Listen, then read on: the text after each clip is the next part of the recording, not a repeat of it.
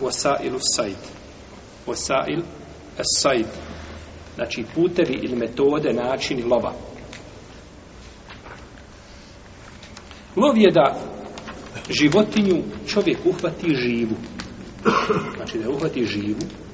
To tako imate. Jelen se uhvati, ili tako u zamka. Zamka da nekahva uhvati, to je vid lova, ili tako. I uhvati se živa i onda se širetski zakulje. Ili ako nije čovjek u mogućnosti da na takav način ulovi životinju, onda je, znači, lovi tako što će je one sposobiti, znači, ili je ubiti onim čime je dozvoljeno, jel, da je, da je ubije.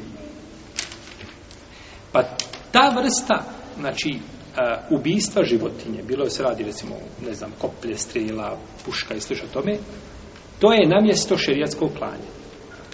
To ubijstvo na takav račin biva namjesto čega? šerijatskog klanja. Bez, bez tog klanja nije dozvoljeno da se životinja jede. Jer je to onda lešina.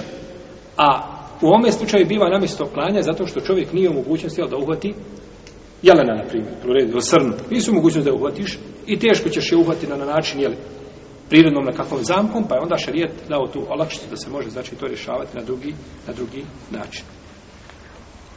A, imamo različite načine kada je u pitanju lovu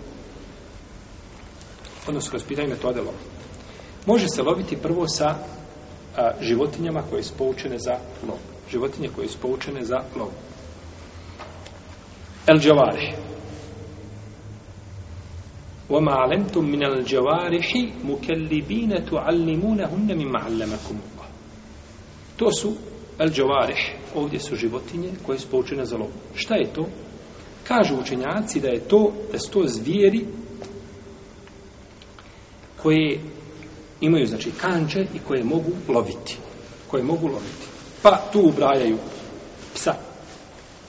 Uba, ubrajaju, recimo, e, pumu, a, leoparda, znači sve životinje koje se mogu jeli, poučiti, kao što se ubraja isto tako i od ptica, jel, soko, orao, ne znam, jastreb, sve što se može, znači, poučiti, jeli, ovaj, a, e, lovu da ulazi u to.